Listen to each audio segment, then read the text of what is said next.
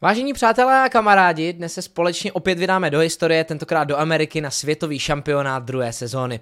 Ještě před tímto videem musím opět poděkovat Kudovi, so Kudo, if you are watching this, thank you so much, protože je to Kudo, který mi poskytuje kompletní práva na tyhle videa, spoustu klipů, scénáře a tak dále a velký kredit jde pro něj, odkaz na jeho kanál bude dole v popisku. Jelikož se jedná o rozsálejší téma a tentokrát jsem chtěl věnovat víc času těm všem materiálům, co mi Kudo poskytuje a představit eh, třeba víc do detailů všechny týmy a i nějaké zajímavé okolnosti šampionátu, tak eh, tento dokument rozdělím na dvě poloviny. V té první polovině, která nás teď čeká, tak si představíme jednotlivé týmy a ukážeme si, jak probíhaly základní skupiny a první část čtvrtfinále. Já jsem Davkouny, tohle je Rift a šampionát druhé sezóny. První světový šampionát měl být jakousi prezentací League of Legends jako nového nastupujícího světového e-sport fenoménu. Nakonec se ale stal tak úspěšnou akcí, která předčila všechno očekávání Riot Games v ohledu zájmu, sledovanosti, příběhu i kvality samotného turnaje. Druhá sezóna už měla být naprosto směrodatným mistrovstvím světa, které zahrne všechny regiony, všechny nejlepší týmy a všechny nejlepší světové hráče. Turnaj se nemohl konat nikde jinde, než v domovské zemi hry USA, přesně v Kalifornii, Los Angeles Staples Center. Finále pak v uzavřeném Galen Center kampusu University of Southern California. Základní skupiny a playoff byly odehrány ve venkovním areálu ve velmi nezvyklém prostředí a atmosféře, ale vše vypadalo působivě a dodávalo šampionátu epický nádech. Turnaj byl vyvrcholením velkolepé druhé sezóny, která dala obrovský základ mezinárodním turnajům, ligovým soutěžím a celému ekosystému League of Legends, který známe dnes. Riot Games začali budovat turnajovou scénu za pomoci tehdejších největších pořadatelů esports turnajů, jako ESL, IGN, OGN či MLG. Fanoušci tak mohli do té doby nezvykle často sledovat pravidelná klání nejlepších světových celků a sledovat jejich cestu směrem ke světovému šampionátu. Pojďme si na začátek představit účastníky a načrtnout tak příběh světového šampionátu, kterého se účastnilo 12 nejlepších světových organizací. Začneme domácí Amerikou. Counter Logic Gaming prošli na vrot z třetího místa amerického kvalifikačního turnaje. Tým na začátku sezóny benchnul Elemence a Sandwichise, přesunul Shostra na supporta, Hotshota do jungle a na pozici marksmana a toplanera dostal obrovské talenty Doublelifta a Voiboje. CLG měli oproti americkým týmům jednu obrovskou výhodu. Na začátku roku 2012 přesunuli svůj gaming house do Koreje a účastnili se jarní i letní korejské ligy OGN. Neměli výraznější herní úspěch, ale skrimy, turnajová praxe proti korejské špičce byla dostatečná k tomu, aby se na světový šampionát kvalifikovali a nabrali obrovské zkušenosti. Z druhého místa postupovali tým Dignitas. Yes, I'm a cutie pie, race your dongers. Ascara, Cramps či I will dominate. Dignitas ale nebyli považovaní za lepší celek než Counter Logic Gaming, neboť se po jejich vzoru zúčastnila letní korejské ligy OGN, kde ani nepostoupili ze skupiny a neodehráli dobrý turnaj. Před Worlds je provázela mírná kontroverze po finálovém zápasu MLG proti Team Curse, ve kterém se oba týmy domluvili na Aramu, ale o tom specificky někdy později. Největší nadějí ale byli TSM, kteří měli vynikající sezónu a dominovali NA herně i popularitou mezi fanoušky. Tým posílil Dyrus a také Baylife Mentalita, jakýsi running meme, který tým doprovázel v prezentaci na sociálních sítích. Prostě banda týpků, kteří nic neřeší, žijí v gaming houseu a žijí si svůj pro gamer sen. Jako první mainstream tým v Americe začali kompletně sdílet s veřejností své životy, herní praxi, tréninkové procedury, prostě komplet a fanoušci byli nadšení. Tým stále herně i procesně řídil Reginald, botlane duo Chaos X Special nemělo konkurenci a Diod pomalu rostl v legendu, ze kterou ho nyní považujeme.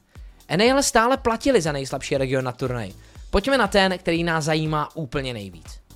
Evropa totiž na turnaj poslal legendární skvody, které si pamatuju a dokážu vyjmenovat i po těch letech. A rovnou začnu mojí absolutní srdcovkou. Ač fanoušek organizace Fnatic, tohle je pětice, která mě k esportu League of Legends dotáhla definitivně a dodnes si považuji za nejlepší a nejsympatičtější tým chemii s killem, který Evropa kdy měla. CLG EU šli z Evropy jako třetí síd. Bylo ovšem považování za jednoho z největších favoritů na vítězství celého světového šampionátu. Tým dokázal něco, co americké celky totiž při působení v Koreji nedokázali.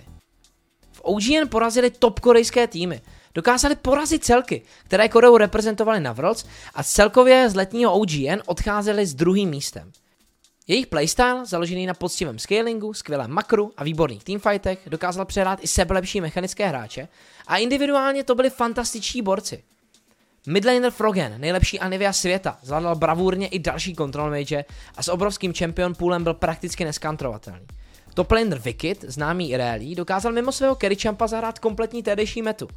Jungler Snoopy nepatřil ani zdaleka k nejagresivnějším junglerům, ale svým protektivním a objektiv orientovaným playstylem perfektně zapadal do týmu.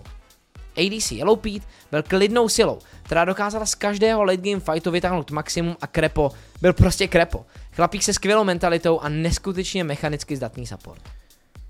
Přesto ale na Gamescomu, který byl kvalifikačním turnajem pro Evropu, CLG utrpěli porážku od SK Gaming, kteří tak na turnaj vyrazili jako druhý evropský seed a možná největší papírový outsider turnaje. SK sestavu během sezóny měnili dost, tu finální loknuli až dva týdny před samotným Gamescomem. Tým byl absolutním opakem CLGEU. Žádná promyšlenost, scaling, přesná matematika. Naopak, obrovská vášeň, agrese a momentum. To bylo na tehdejším lolku mimochodem absolutně fantastický. Že to takhle šlo, že to takhle fungovalo a dalo se to uhrát i přes takovou sílu přátelství. Tým s Ocelotem a Araneo asi ani nemohl být jiný. Španělští bouřliváci a neskutečně mechanicky vybavení hráči tým dokázali protáhnout jakýmkoliv těžkým duelem. Kevin se na topu nebál netradičních cheesepiků a alespoň nějakou míru klidu dodával bot s Yellowstarem a Nifem, kteří se starali o pozdější makro a shotcalling. První evropský slot patřil absolutním a nezapomenutelným legendám naší krásné hry. Moscow 5 byli mnohými experty pasováni na absolutního favorita a předčasného vítěze Worlds. Vyhráli většinu turnajů, na kterých během roku působili, měli ve svém regionu vyšší win rate než tým Solomid a ze všech týmů, které potkali, prohráli pouze s TSM, Fnatic a CLG EU. Jejich síla spočívala nejen v teamworku a schopnosti hrát skvěle všechny fáze hry, ale hlavně v inovativním přístupu k lolku. Diamond Prox doslova vynalezl counter jungle a kreativní early game pathing. Darien byl tak neskutečně dominantní toplaner, že Kevin na chvíli v sezóně přešel v SK Gaming na ADC, jen aby ho nefrustrovalo dostávat od Dariena Stomp. Genja dominoval nejen svým obrovským jednotným obočím, ale také schopností farmit, kreativně buildit a měnit výhodu v dominanci. Gosu Pepper se také nebál netradičních piků a jeho Sona byla jednu dobu neporazitelná. Hlavním tahounem byl Alex Ich, jediný hráč mluvící anglicky a midlaner, který dokázal zahrát k dokonalosti snad všechny čempiony, které vás napadnou. Jeho vynálezy jako AP Master, Kazik Smith, Evelyn a další diktovali tempomety. Jediným otazníkem bylo srovnání Moscow 5 s Ázií. A ony čínské týmy byly vlastně velikým otazníkem sami o sobě. Invictus Gaming kvůli cestovním omezením nesoupeřili se západními týmy vůbec a ty tak měli velmi málo informací o jejich formě či playstylu. Vědělo se jediné, že jsou neskutečně agresivním early game týmem, možná tím nejagresivnějším na světě. V online turnajích porazili CLG Prime, Azubu Frost či Taipei Assassins. Jejich hra spočívala v lane dominanci, split pushy a snowballu. Jejich forma offline prezence ale byla velikou neznámou. Čínská jednička World Elite, také jako IG, organizace působící na scéně do dnešního dne, byly zase označováni za až příliš nekonzistentní celek, o kterém se mluvilo jako o Jekyllu a Hydeovi. Buď byly ve hře neskutečně dominantní, nebo naopak absolutně příšerní. Zajímavé označení čínské jedničky. Byly by součástí IM World Championship, ale kvůli vízum nemohli vycestovat. Poté se sezóna mírně zvrtla. Prohráli proti Taipei Assassin v azijském šampionátu a v korejské OGN Summer League podlehli CLG EU. V San Francisku prohráli proti týmu Curse. Jejich sestava se neustále měnila, byly nečitelní, ale pokud by se jejich midlaner Messiah pravidelně dostával na Twisted Fate, klidně se mohli stát světovými šampiony. Korejská dvojka Nejin Sword vyletěla do formy až v pozdější fázi druhé sezóny. Finální sestava byla poskládána jen pár měsíců před Worlds. Počítali se za možné černé koně turnaje, favoritem na postup totiž byli mimo kvalifikovaných Azubu Frost, spíše Azubu Blaze. Těla na posledních OGN skončily až na čtvrtém místě, i za CLG EU, a celkově třetí z Koreje, což nestačilo. Tým postavil hvězdný toplaner Maknun z hráčů, kteří odpovídali jeho playstylu a dokázali agresí dominovat early game. Hráči jako Son či Prey slibovali obrovský potenciál do budoucna. Azijskými králi měli být Azubu Frost, korejští mistři a klenot východního League of Legends. Jejich dominance postupovala celou druhou sezónu. Začala již na prvním OGN Invitational, premiérovém turnaji streamovaném korejskou televizí. Na jaře skončili druzí za sesterským týmem Azubu Blaze, v létě dominovali. Ve finále proti CLG EU v absolutně fantastické sérii dokázali obrátit nepříznivý stav 0-2 a po reverse sweepu před domácím publikem pozvedli pohár korejského šampiona. Hvězdný midlaner Rapid Star byl jako tahoun týmu známý jsou agresivní Lux, Dianou či Kartusem. Často roamovala Snowball early game. Wung se musel adaptovat na ADC stopu a stěl to za pouhý měsíc před OGN Summer. Následující jméno budete znát dodnes, neboť se po něm jmenuje Signature Hook Move. Medlife byl považován za nejlepšího supporta na světě právě díky jeho kreativnímu a agresivnímu playstylu. Nejstarší člen týmu Cloud Templar byl zase mozkem celku.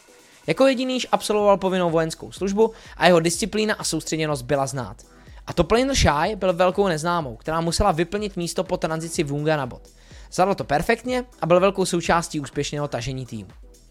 A zbývají poslední dva týmy, které byly pro všechny ostatní obrovskou neznámou, protože region, ze kterého pocházeli, byl tak trošku izolován. Saigon Jokers byli obrovským překvapením jihoazijských regionals.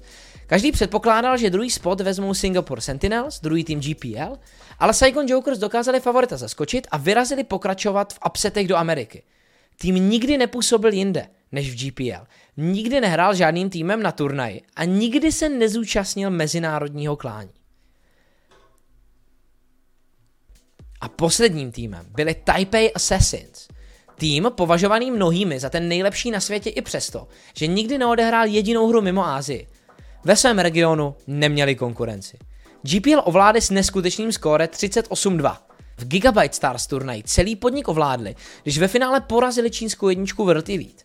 Dle mnohých odborníků i lidí ze scény, TPA skutečně byli jedním z nejlepších světových týmů díky fantastickému teamplay a spolupráci. Hráči jako Midlane Toys či ADC BB byli zároveň fenomenálními na svých typických čempech, jako Kartus, Oriana, Ezreal či Vayne. Support Mistake se nebal agresivních piků jako Zira či Sona, Toplinder Stanley zase rád vybíral vhodné matchupy pro lane dominanci. Champ Pool, junglera Lil Bolze, nabízel mnoho engage hrdinů, jako jeho typického Maokaje a kreativní Pathing naháněl hrůzu. I přesto ale na turnaj tým stejně přijížděl spíše jako neznámý celek, který může spíše překvapit. Ačkoliv porazili World Elite při jednom z větších online turnajů v BO1 podlehli CLG EU. To je to jediné srovnání, co s turnajovými týmy měli. Mistake před turnajem prozradil, že na bootcampu v Koreji před šampionátem ve skrimech zahráli na příšernou bilanci 2019, která ovlivnila sebevědomí před vstupem do turnaje. Přesto ale byli sledovaní lidmi ze scény a byla jim přisouzena role favorita. Nevýhodou mohlo být nedostatečné rozehrání před playoff, tým byl totiž nasazený již do čtvrtfinále a skupinám se vyhnul. 4. října v Los Angeles Staples Center začal světový turnaj druhé sezóny. S castery Rivingtonem, Demonem, Freakem a Jetem a moderátory DJ Wheat a Seltzer. Šampionát měl opravdu rychlý průběh. Všechny skupinové zápasy se stihly za jediný den. Do pátku 5. října nás tak čtyři týmy opustili. Ve skupině A dominovali Azubu Frost. SK Gaming i CLG Prime nebyli pro korejskou jedničku vyzývatele. Jedinou těsnou hru Asubu se hráli s Invictus Gaming, kde po prohrané early game rozhodl lepší scaling. SK Gaming turnaj opustili bez jediné vyhrané mapy. Vášeň a tempo na Azubu Frost nestačily a jedinou těsnější hru sehráli se CLG, kteří dokráčeli k vítězství díky kompozici se třemi teleporty. Chudák Ocelot opět dostal zadní vrátka. Now we're seeing Voivod teleporting. They're going into the base. CLG are pushing into the base. Voivod's got the final nexus to it. They're going to try and catch up towards Aranea. Have they got the damage? Everyone's teleporting in. The second set of teleport comes in. Big bounty. Oriana ultimate. The nexus is exposed. And someone is just going to take the nexus down. No, Kevin gets in there. Absolutely obliteration. But Voivod drives them back. And it's won it. I do not believe the game. What an absolute epic finish to a fantastically slow game. And good God, everything happens at once. 35 minute game. CLG just pulled off a crazy, crazy victory. Proti Invictus pak byli SK Gaming tak pozadu, že ve 30. minutě surrenduli. Ano, surrendru bylo na turnaji dost, ještě se k tomu dostaneme, jeden z nich byl dokonce i ve finále. O postupujícím rozhodoval přímý střed Invictus Gaming a CLG Prime. IG přejeli americké oblíbence a ukončili jejich jízdu šampionátem. Následně CLG podlehli Azubu Frost a narazili tvrdě i na region, ve kterém Counter Logic Gaming napříč sezónou trénovali nejvíc ze všech západních týmů. Ve skupině B postoupili předem daní favoriti Najin Sword a CLG EU. Najin Sword absolutně dominovali a hlavní vězda Maknoon zářila z týmu nejjasněji. CLG EU rozletili Dignitas a Saigon Jokers, v rematchi semifinále UGN Summer ale jasně podle Najin Sword skrz slabou laning phase. Saigon Jokers dokázali překvapit a zaskočit experty americké fanoušky výhrou nad Dignitas. Dobrá volba early game plánu, která stála na non-stop šikaně z Kary na Kataríně, nechala Dignitas bez hlavního tahouna. Dignitas šli 0-3 a absolutně propadli. Poslední nadějí pro americké fanoušky tak do playoff zůstávají již nasazení Team Solomit. Druhý den se do akce zapojí World Elite, Moscow 5, TSM a Taipei Assassins. Ve čtvrtfinále Moscow 5 proti Invictus Gaming ruský tým poprvé hrál mimo Evropu. Hned v prvních zápasech chtěl ukázat dominanci, která tým provázela. Ačkoliv v první hře nestačili v early game, heavy damage kompozice s Kogmo a Zero na botu a především Evelyn na midu královala v late game teamfightech. Good job, kid. Almost. Oh, he does get taken down. He doesn't even get a chance to attack. Zatai falling to Moscow 5, then Q. Alexis coming up very big, but it's Diamond Prox with the double kill. The chase onto PDD is just too strong, and this completely spells Baron at 29 minutes for Moscow 5, then Q. Ve 33. minutě IG zvolili surrender a soustředili se na další hru. V té díky pokračující early game agresi našli v invadu Dariena a získali Frostblood. M5 ale opět dominovali v teamfightech a i druhá hra viděla surrender. Což je dnes pro nás něco nepředstavitelného, zvlášť v rozhodující hře mistrovství světa, po které jedeš domů. M5 postoupili do semifinále, Invictus Gaming se s turnajem rozloučili. Taipei Assassins proti Nejin Sword po dominanci Nejinu byli spíše považováni za outsidery. Navíc to stejně jako pro M5 byl jejich debit na stage v Americe. Uklidnění přinesla Frostblood pro Toyze na Oriáně a zbytek hry dal absolutně patřil Toyzovi a jeho dámě s balónem. Série neskutečný Shockwaves dovedla TPA k vítězství. And now they have the Jace poke from Are they going to fight the Oriana? Ultimate pops across. Toys drops Prey down before he had chance to react to that one. He gets a second. Song's going to get dropped as well. That's going to be Cogbo picking it up, but Watch is going to get stripped down. A double kill, and that's going to be the dunk at the end with a triple kill for Bebe. An unbelievable play. They just managed to catch the Oriana Ultimate again and again. Toys is just shredding them apart. Druhá mapa byla poměrně vyrovnaná, až do doby, než Mistake našel hookem Maknuna. TPA pak vzali Barona a rozhodli ve 34. minutě posledním fightem. Po čínské dvojce tak skončila i dvojka korejská, TPA poprvé ukázali svoji sílu. Is it going to be a blind? He's, he's caught Magnu! He's caught Magnu! Can he do the damage on him? He does manage to get a lead strike away, and Millballs has gone aggressive. He's gone deep. Crescendo comes across. They do manage to shut him down. That's going to be Song also going in there. Manages to get the Morgana ultimate, but they get the power fist onto one Song. Song's going to get dropped. That's a double kill for Toys. They're going to turn this one into a possible inhibitor. They're going to push on the inhibitor turret. The turret will go down. Tým Solomit a Azubu Frost byli posledními nadějemi svých regionů na úspěch ve světovém srovnání. Oba dva týmy byly navíc jedničkami svých regionů. Zápas ale ovlivnila veliká kontroverze. V prvním zápase se TSM vydali na invade skrz topside, zatímco Azubu Frost kontrolovali vizi na dolní straně mapy. Shine našel při invadeu shockblastem Dairuse. Nic dalšího se již opticky nestalo. Celá tato situace ovšem měla na utkání obrovský vliv. Proč vám to ale říkám a ukazuji, uvidíte za chvíli. První mapa byla poměrně vyrovnaná skrz early i midgame. TSM získávali odchyty a vše směřovalo k late teamfightům. V těch ale dominovali Azubu Frost, především díky skvělému Rapidstarovi a Cloud Templarovi. Ve druhé hře začátek vyšel výrazně lépe TSM, kteří získali early game výhodu, když potrestali nepřátelský invade. They are going to push TSM out of there. The ward is just giving them too much control of this position. They get a tick onto Mad Life. The downset goes down and they're not able to uh, take back out of the beautiful pull in. Mad Life for sure will go down for first blood. He flashes away and the general picking up blue and a kill. Wound forced out of the fight as well. A lot of flashes being blown here and a Zubu Frost on their heels quickly. K úspěchu to ale TSM nepomohlo a Zubu opět jasně dominovali v teamfightech. NA tak na skončili s jednou jedinou vyhranou mapou. Two shot riders. There's Hemo Plague. The team really not there to capitalize on it. TSM backing off, but it looks like they are getting wiped out in this fight right here. Especially on the odd one very low. They're able to get three. Azubu Frost coming up huge on Team Solo mid right now. Woong the focus. He flashes over Kayak buckshot. That's actually the arcane shift coming in. Pět dní po sérii ale přišlo oznámení o podvádění jmenovitě ADC Wunga a peněžní trest pro Azubu Frost. Problém, nebo spíš možnost podvádět, způsobila samotná stage, která umožňovala při pohledu dostane spatřit minimapu a není pohyb svého, ale hlavně enemy týmu. Jen při krátkém pohledu doleva či doprava tak mohli hráči jednoduše podvádět a narušit kompetitivní integritu. Oficiálním pravidlem Riotu tak bylo přikázat hráčům koukat pouze rovně a sledovat během hry jen svoji obrazovku. V 15. sekundě zápasu se Wung podíval doprava a spatřil na minimapě pohyb TSM. Ve 25. sekundě zapingoval na mapě nepřátelský tým a jejich pohyb do topside mapy. Shai pak skutečně odhalil Dairuse při pohybu do horní jungle, během čehož mu kryl záda Medlife. Tento play ale odhalil pouze Dairuse, takže nebyl tak vypovídající. Tím hlavním důkazem byly především pohyby hráčů korejské jedničky na botside a kolem midu. Wung beze strachu facechecknul Tribuš, což by byla bez Infaha jinak absolutní potenciální sebevražda. Rapid Star a Cloud Templar stejně tak invadili kolem midu a následně bezpečně na nepřátelské redko. Zadarmo tak získali informace, výhodu a věděli, že nebudou potrestáni.